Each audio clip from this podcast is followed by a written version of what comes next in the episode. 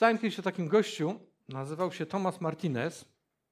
Przypuszczam, że u tych tam e, fanów futbolowych to od razu gdzieś tam jakaś struna zagrała, ale to nie jest ten argentyński piłkarz. Nie, nie, to nie ten gość. Ten akurat mieszkał w takiej mieścinie w Boliwii, Santa Cruz de la Sierra to się nazywa, jakie półtora miliona ludzi, dwa razy większe nawet od La Paz, czyli od, od stolicy. No i tenże Tomas Martinez mieszkał na ulicy. Nie dlatego, że całe życie mieszkał na ulicy, tylko po prostu tak mu jakoś się w życiu poukładało, że wylądował jako bezdomny na ulicy. I wiele lat wcześniej zostawił swoją żonę, poszedł w a, takie nieciekawe życie, narkotyki, alkohol i tak dalej. Miał 67 chyba lat, gdy podeszło do niego dwóch policjantów. I z nazwiska pojechali, czy ten jesteś Tomas Martinez. On niedługo się zastanawiając, obrócił się i tyle go widzieli.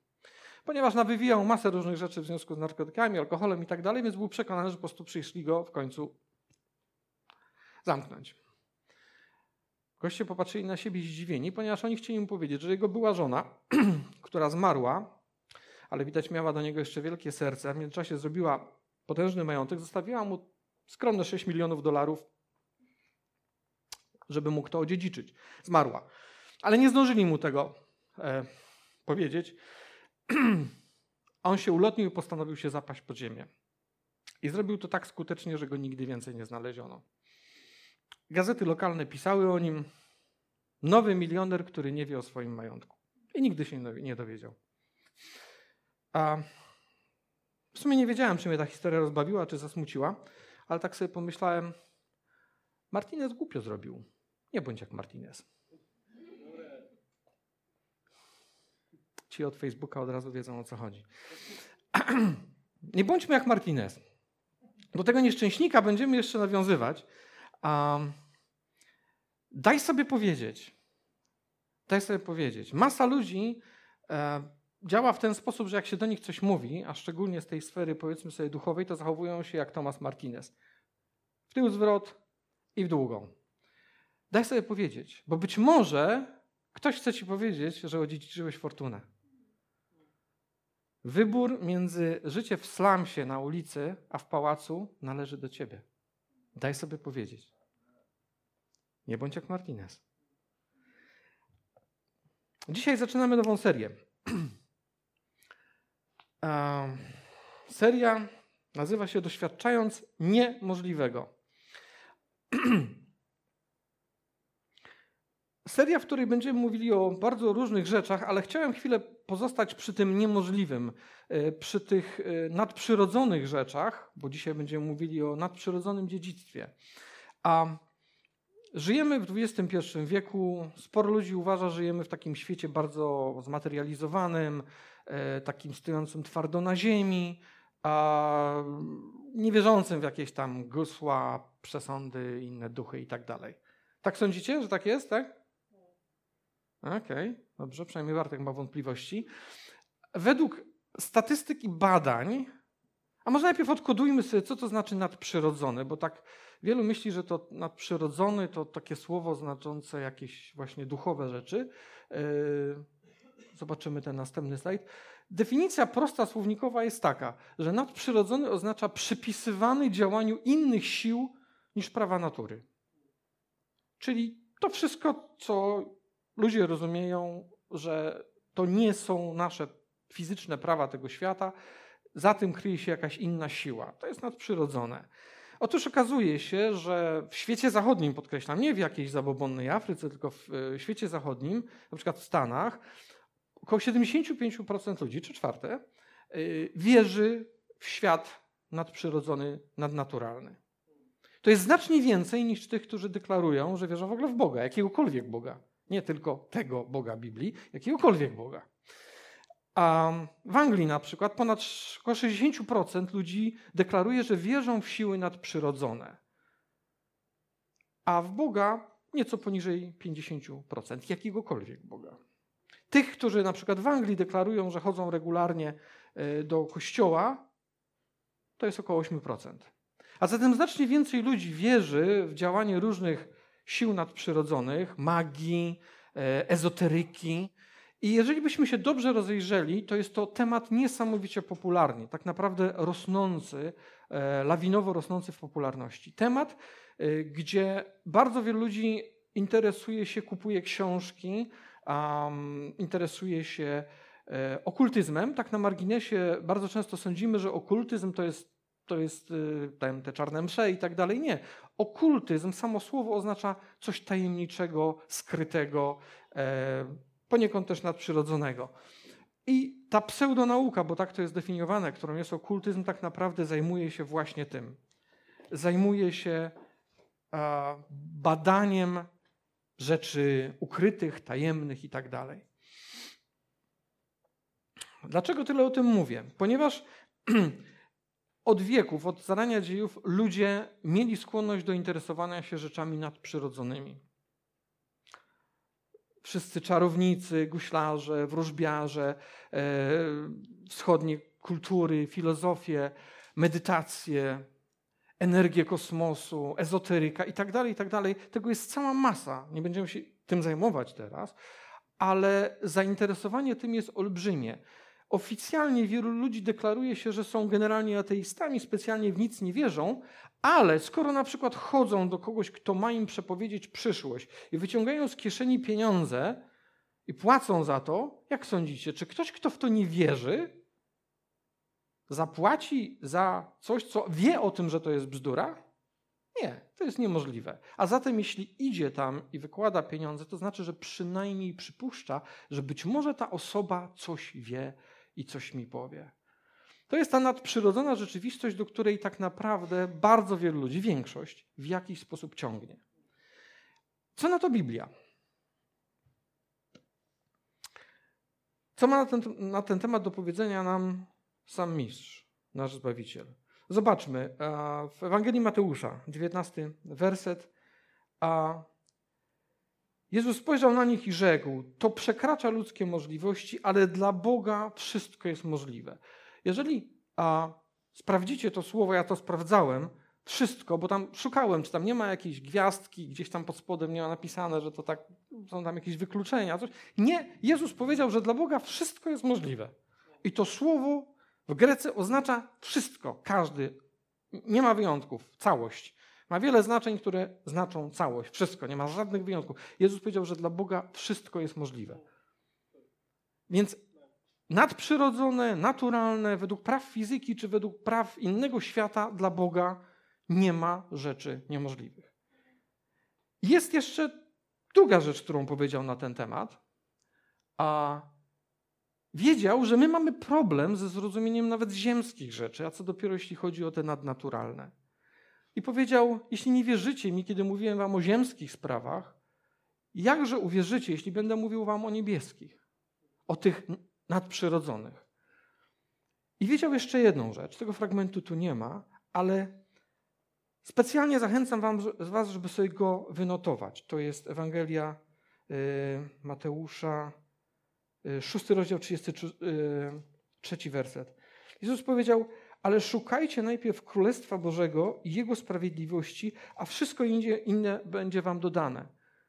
Czy rozumiecie ten porządek rzeczy? Najpierw Jezus mówi ci, że Bóg potrafi zrobić absolutnie wszystko. Potem mówi ci, że zdaje sobie z tego sprawę, że ty nawet ziemskich rzeczy nie rozumiesz, ja też zresztą nie, e, niektórych przynajmniej. A cóż dopiero te nadprzyrodzone? A potem mówi, słuchaj, Wydaje się pewna sprzeczność, bo on każe nam szukać królestwa, a zatem mówi, żebyśmy szukali czegoś, co jest nadprzyrodzone. Dlaczego? Bo właśnie w ten sposób chce Tobie i mnie powiedzieć: nie szukaj czegokolwiek innego, tylko szukaj królestwa, a ja Ci wszystko inne dam. A wszystko inne, co inni ci usiłują pokazać, nawet jeśli to bardzo ładnie wygląda, dreszczyk emocji, tajemniczości, to jest ściema, to jest oszustwo. Szukaj królestwa, a ja wszystko inne ci dam, bo jestem tym, który może wszystko. Chciałbym, żebyśmy sobie to zapamiętali i nie dali się z tej myśli okraść. Szukajmy królestwa, a wszystko inne dostaniemy. Dzisiaj mówimy o, o dziedzictwie, o tym, że mamy nadprzyrodzone dziedzictwo właśnie w tym królestwie. I to będzie coś, co będę chciał bardzo, bardzo mocno dzisiaj wkuć gdzieś do naszej głowy, do naszych głów, abyśmy zrozumieli, że ono naprawdę jest. Teoretycznie pewnie większość z nas o tym słyszała i o tym wie, ale czy tak naprawdę? Pierwszy krok, aby stać się dziedzicem, żeby coś mógł odziedziczyć, to trzeba zrobić co? Wejść do rodziny. Bo jak nie jesteś w rodzinie, raczej nie jesteś dziedzicem. Prosta reguła. Ewangelia Jana, pierwszy rozdział, 11 werset i 12. Mówi tak. O Słowie, czyli o Jezusie, przyszło do swojej własności, ale swoi go nie przyjęli. Tym jednak, którzy je przyjęli i uwierzyli Mu, uwierzyli Jezusowi, dało prawo stać się dziećmi Bożymi. To jest ten pierwszy krok, który każdy z nas albo już zrobił, albo może zrobić, jeśli tylko chcesz, by stać się dziedzicem i dziedziczką. Stać się dzieckiem Bożym. To jest ten pierwszy krok. Bez niego, bardzo mi przykro, nie jesteś dziedzicem, nie jesteś dziedziczką, choćbyś nie wiem, co robił. Jeśli nie staniesz się dzieckiem Bożym, nie jesteś dziedzicem. Możesz robić fantastyczne uczynki, możesz karmić głodnych i bezdomnych przez całe życie. Jeśli nie stałeś się dzieckiem Bożym, nie jesteś dziedzicem. Prosta reguła. Drugi punkt. Historia, którą większość z nas bardzo dobrze zna, słyszała ją wiele razy. Mówi się o niej, że jest to opowieść czy przypowieść o synu marnotrawnym. A pewien człowiek miał dwóch synów. Znamy tą historię, niektórzy z nas bardzo dobrze. Nie będę jej czytał w całości, choć całe te fragmenty, y, całą tą historię e, mamy na slajdach, ale zachęcam, e, żebyśmy sobie ją wynotowali i spróbujcie ją jeszcze raz dzisiaj czy jutro sobie przeczytać. A Było dwóch synów. Młodszy podszedł do ojca i powiedział: Ojcze, daj mi tą przypadającą na mnie część majątku. Ojciec zgodził się, podzielił majątek i przekazał swoim synom. Co się wydarzyło dalej, większość z nas wie. Syn wziął, roztrwonił majątek, przehulał go, a potem żyło mu się bardzo źle. Zobaczmy następną część. Opamiętał się, a wtedy, kiedy mu już było bardzo głodno i chłodno, postanowił, że przeprosi ojca, uznał, że zgrzeszył przeciwko niemu, chce wrócić i choćby sługą być w jego gospodarstwie. Na marginesie głód ma magiczną moc. Przemiany umysłu. A idźmy dalej. Werset 22. E, wcześniejszej jeszcze części ojciec, który widzi tego syna, który zdecydował się powrócić, biegnie do niego, bierze go w ramiona, nie wypomina mu niczego, tylko strasznie się cieszy. I mówi do swoich służących, werset 22, przynieście tu szybko najlepsze ubranie. Nie byle jakie, nie dajcie mu jakąś tam, nie wiem, rzućcie mu prześcieradło. Nie, przynieście najlepsze ubranie i to i przebierzcie go. Myślę, że żyjąc i pas, pasając świnie był, delikatnie rzecz biorąc, nie za dobrze ubrany. Rozkazał ojciec służbie, dajcie mu rodzinny pierścień na rękę.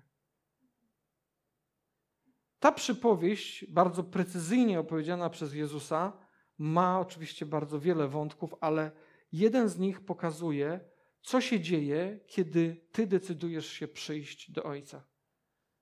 Jeżeli uznajesz to, że zgrzeszyłeś, że jesteś grzesznikiem, że potrzebujesz wrócić do Ojca, dzieje się to, co jest tu napisane. Stajesz się z brudnego człowieka, który żył tak, jak chciał, stajesz się w mgnieniu oka synem króla. Dowodem tego jest to, że kazał założyć temu synowi pierścień rodzinny czyli symbol przynależności do rodziny. Kazał mu to założyć, oprócz pięknego ubrania. Ubranie może mieć tak naprawdę każdy, jeśli ma odpowiednią ilość pieniędzy, ale symbol przynależności do rodziny, a, a, nie. To jest dziedzictwo, które automatycznie stało się udziałem tego chłopaka. W tym momencie stał się z powrotem członkiem rodziny. A zatem stało się coś, o czym być może on sam jeszcze do końca nie wiedział, co to znaczy. I wdziejcie mu buty na nogi. To oczywiście był symbol tego, że nie, nie zamierzam z ciebie robić mojego sługi, bo słudzy chodzili boso, tylko załóż buty, bo jesteś moim synem, a nie sługą. Wszedł w posiadanie dziedzictwa. Przewińmy kilka wersetów dalej. Zaczęli się radować, ucztować z tego powodu, że syn się odnalazł. Dalej, syn, który, drugi syn, który tam był, był wiernym sługą taty, ale chyba nie tak bardzo wiernym sługą, bo jego serce było kompletnie nieprzemienione, ponieważ był zły, że ten marnotrawny syn jest świętowany, a nie on na przykład. Ale dzisiaj o tym nie będziemy rozmawiali, natomiast chciałbym, abyśmy zwrócili e, uwagę na werset 31. Na to zachmurzoną twarz swojego syna ojciec patrzy i mówi: Synku, rzekł ojciec, ty zawsze jesteś ze mną i wszystko, co posiadam, należy do ciebie. I wszystko, co posiadam, należy do ciebie. Ojciec niebieski mówi do ciebie i do mnie: Wszystko, co posiadam, należy do ciebie. Czy mamy tego świadomość? Że wszystko, co ma Jezus, który jest Bogiem, wszystko, co jest co ma Bóg, a On ma wszystko, należy do ciebie. Gdybyście myśleli, że być może przesadzam, to jest to dowód prosto z pisma. Tak jest powiedziane. Wszystko, co mam, należy do ciebie. Jesteś ze mną, nie odszedłeś ode mnie. A ten syn, który wrócił, właśnie stał się jednym z nas i też wszystko należy do niego. Brzmi bardzo pięknie? Amen. Do tego stopnia, że bardzo wielu nie chce w to po prostu uwierzyć, że tak naprawdę jest. Że to, co odziedziczyłeś, w momencie, kiedy powiedziałeś Jezusowi tak, to jest znacznie więcej niż ci się wydaje. To, że odziedziczyłeś zbawienie, tak, to prawda. Zaraz będziemy o tym mówić.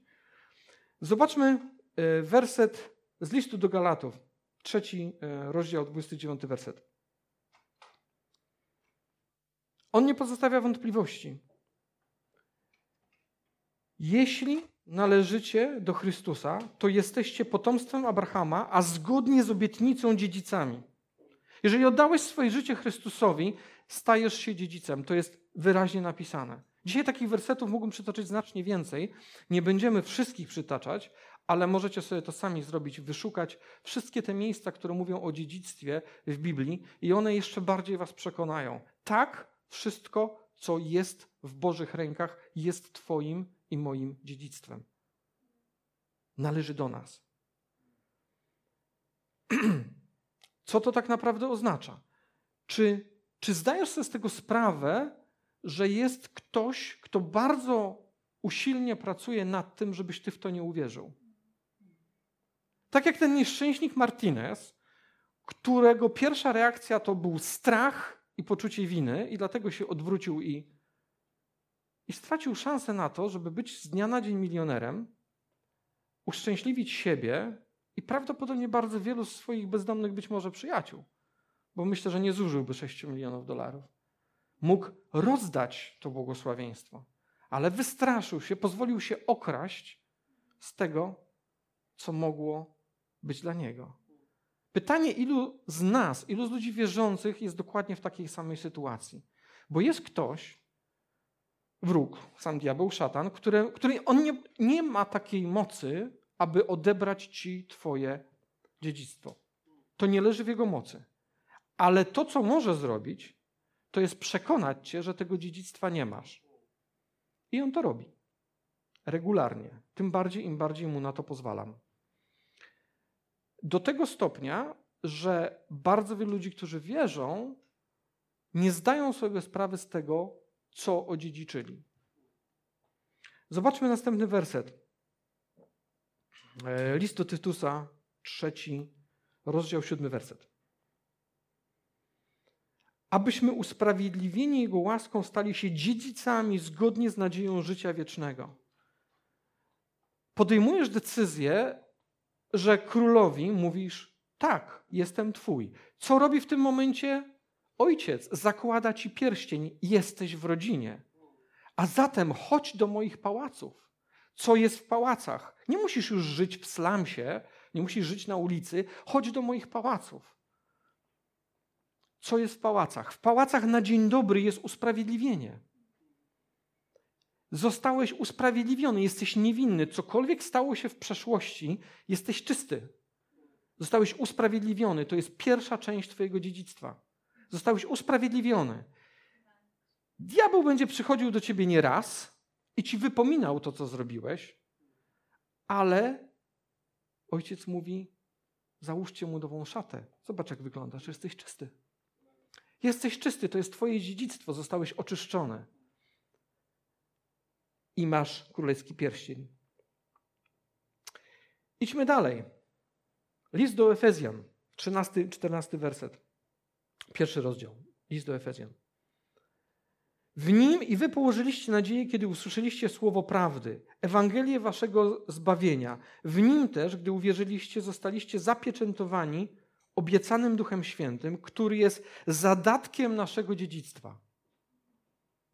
Jest zadatkiem naszego dziedzictwa.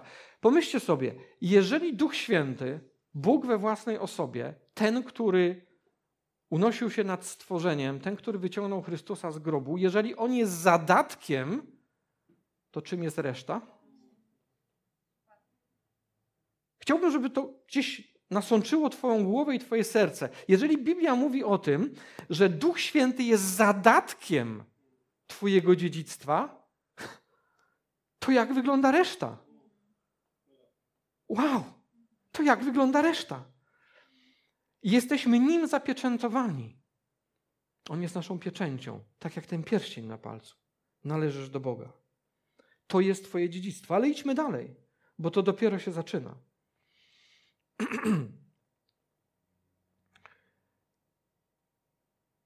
List do Hebrajczyków, pierwszy rozdział, e, czternasty werset. Jeżeli notujesz, to wynotuj sobie, bo to jest bardzo ważny werset. Każdy jest ważny, ale ten jest niezwykle ważny, bo wchodzisz do pałacu i nie zdajesz sobie z tego sprawy, że wchodzisz do pałacu. Na dzień dobry dostajesz szatę, jesteś czysty, jesteś usprawiedliwiony i myślisz sobie, no dobra, fajnie, oddałem życie Jezusowi i co? Ten werset mówi, czy o aniołach, mówi to o aniołach, czy oni nie są wszyscy duchami służebnymi, posyłanymi, by służyć tym, którzy mają odziedziczyć zbawienie? Serio? W waszej Biblii też to jest? Naprawdę aniołowie służą nam? Jeżeli nie, to wytrzyj tą kartkę. Jeżeli nie służą, nie zgadzasz się z tym, wywal to. Jeżeli aniołowie nam nie służą, to ten werset trzeba wywalić. Ale jeżeli służą, to pomyśl, że jeżeli zastępne niebieskie zostały oddelegowane po to, by służyć ludziom takim jak ty i ja, wow, to coś znaczy. To coś znaczy. Pałacu masz przebaczenie, usprawiedliwienie, masz służbę, która jest po to, aby ci pomóc wytrwać przy Ojcu. Aby pomóc, byś zrealizował to wszystko, co Ojciec ma dla ciebie. Po to jest ta służba. I oni to zrobią. Chyba, że będziesz im bardzo przeszkadzał. Ale to trzeba się już bardzo postarać. Co jeszcze mamy w pałacu? Jeśli myślisz sobie, na przykład wchodząc i słysząc o te fragmenty, bo diabeł będzie to robił nieustannie, będziesz mówił, co, kto ty jesteś, że tobie aniołowie mają służyć? Co, co ty, kto ty jesteś? Zobacz fragment listu do, do Jakuba, już, przepraszam, Jakuba. E, drugi rozdział, piąty werset.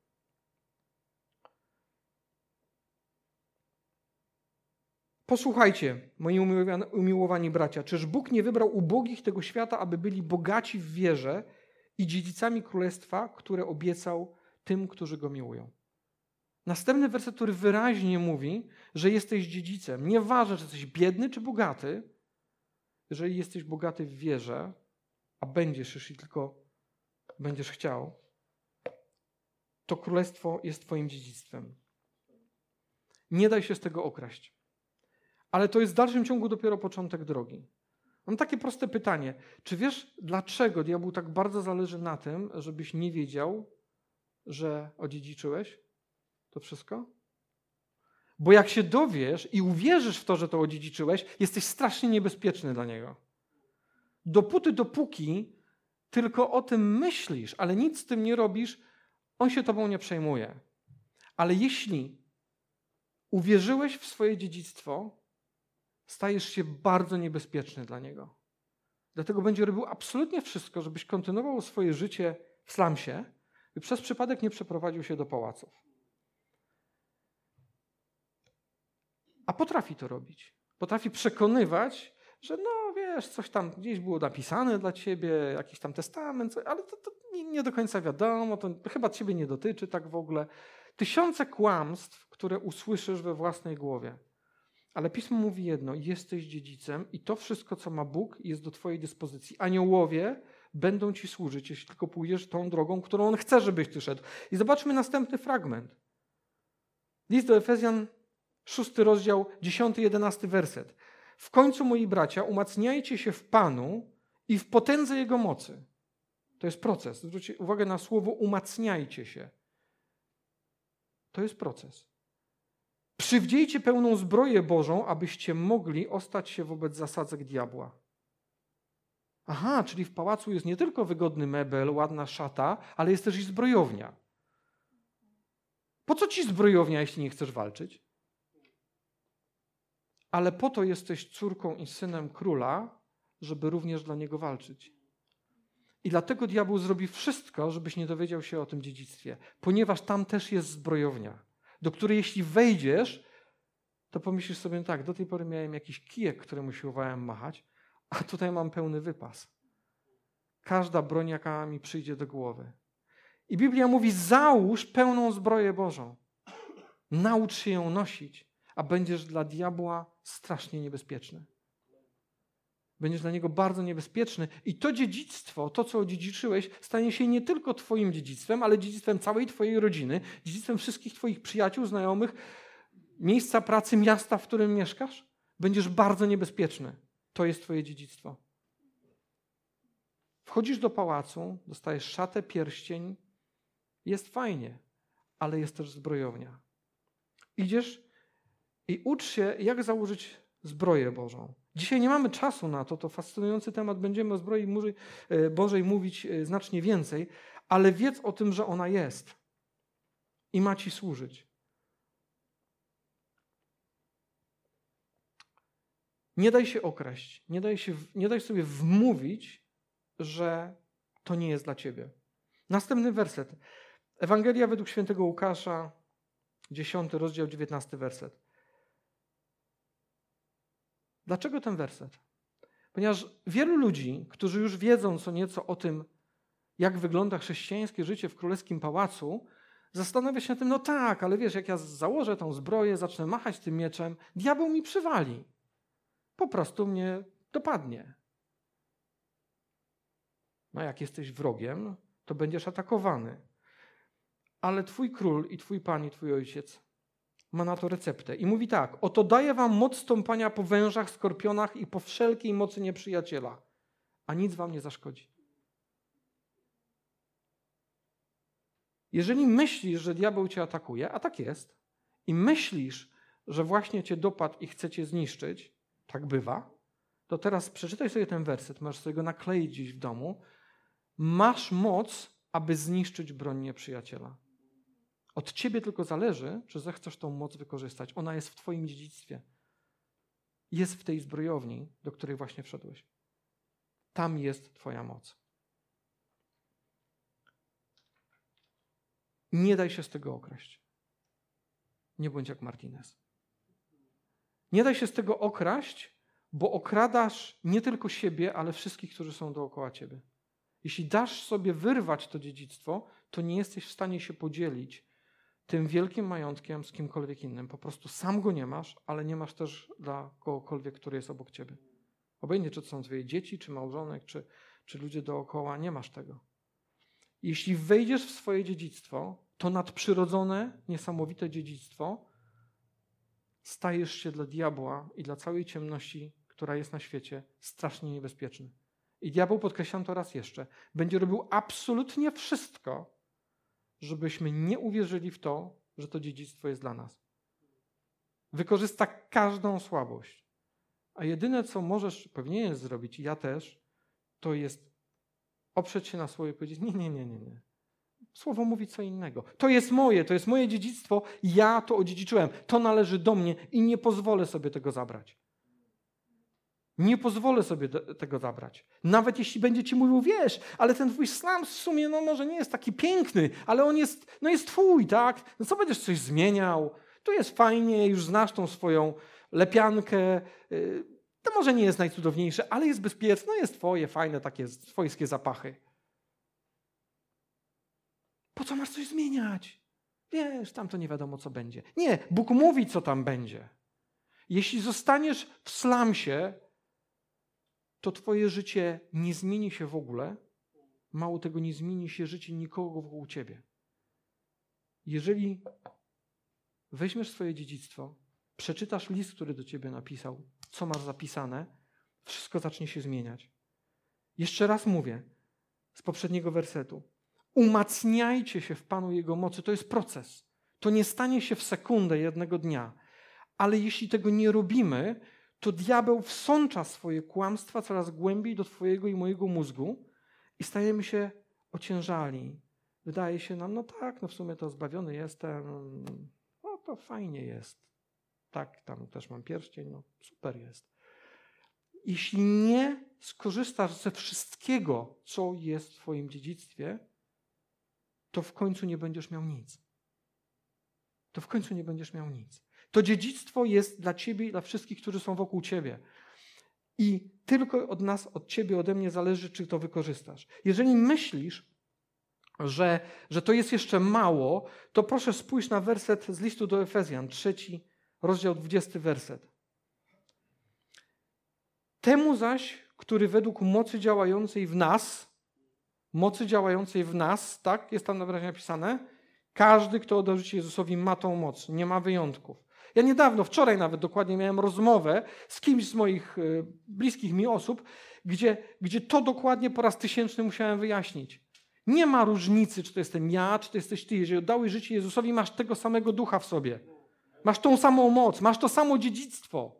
Możesz mieć większą wiedzę na ten temat, jak wykorzystać zbroję, jak walczyć, tak, to prawda, ale moc masz tą samą. Tylko rusz się, wejdź do zbrojowni i ubierz się w zbroję i zacznij walczyć i zobaczysz zmiany. I zobaczysz zmiany. Ten, który według mocy działającej w nas może uczynić o wiele, wiele obficiej ponad to wszystko, o co prosimy, a, a o, y, albo o czym myślimy. To w razie, gdybyś myślał, że no, ale są jeszcze takie rzeczy, których tutaj nie ma w tym. Nie, w dziedzictwie jest wszystko, bo ten, który będzie korzystał według Twojej mocy. Zwróćcie proszę na to uwagę według mocy działającej w nas.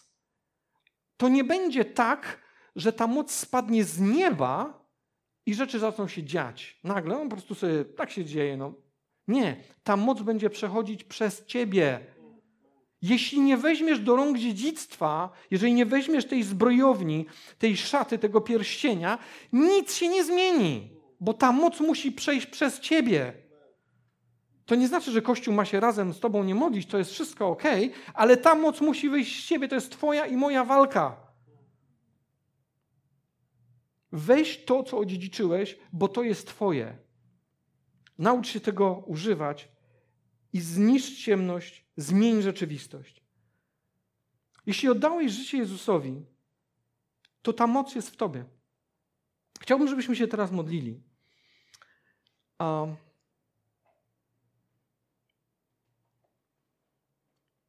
Chciałbym, żebyśmy się pomodlili.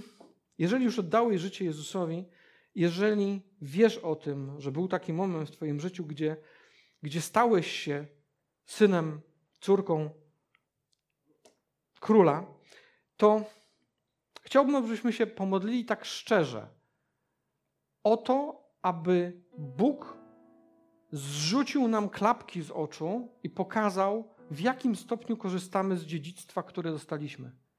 Czy wystarcza nam to, że mamy ładną szatę, no i w sumie wiemy, że jesteśmy usprawiedliwieni, alleluja, chwała Panu. Ale tak naprawdę nic wokół nas się nie zmienia. Nic wokół nas się nie zmienia. To nie chodzi o to, że masz chodzić po ulicy, czy pukać do każdych drzwi i głosić Ewangelię, chociaż Powinniśmy ją głosić. Ale chodzi o to, że jeśli wiesz, jak walczyć, to rzeczy będą się zmieniały wokół ciebie, bo ty będziesz rozwalał ciemność. Chciałbym, żebyśmy się modlili o to, aby Bóg nas, każdego z nas uświadomił, w jakim stopniu nie wykorzystujemy tego, co jest w naszym nadprzyrodzonym dziedzictwie. To leży i czeka, aż schylę się po to i będzie to moje. Ojcze, dziękujemy Ci, Panie, za to, że dzięki Jezusowi odziedziczyliśmy Twoje królestwo i wszystko, co jest w nim. Panie, dziękujemy Ci za to, że Ty dałeś nam moc, by niszczyć ciemność i że zaufałeś nam coś tak niesamowicie potężnego. Panie, prosimy Cię o to, abyś otwierał nam oczy, pokazywał, w jak być może małym stopniu korzystamy z tego dziedzictwa, które nam dałeś, jak słabo je wykorzystujemy.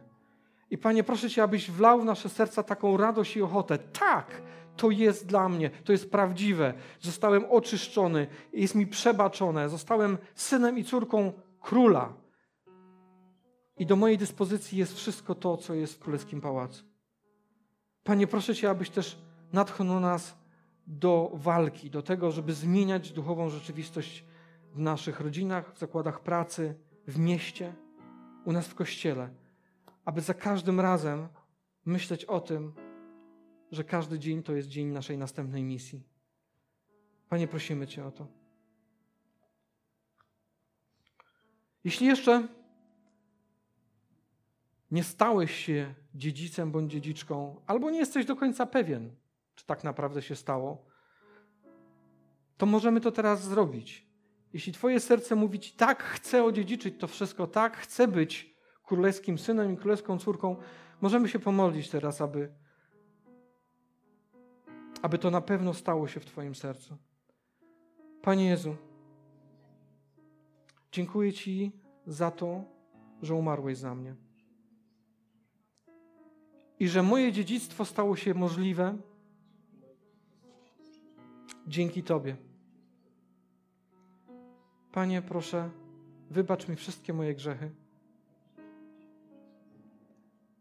Ubierz mnie w królewską szatę i zostań moim zbawicielem. Prowadź moje życie. Amen.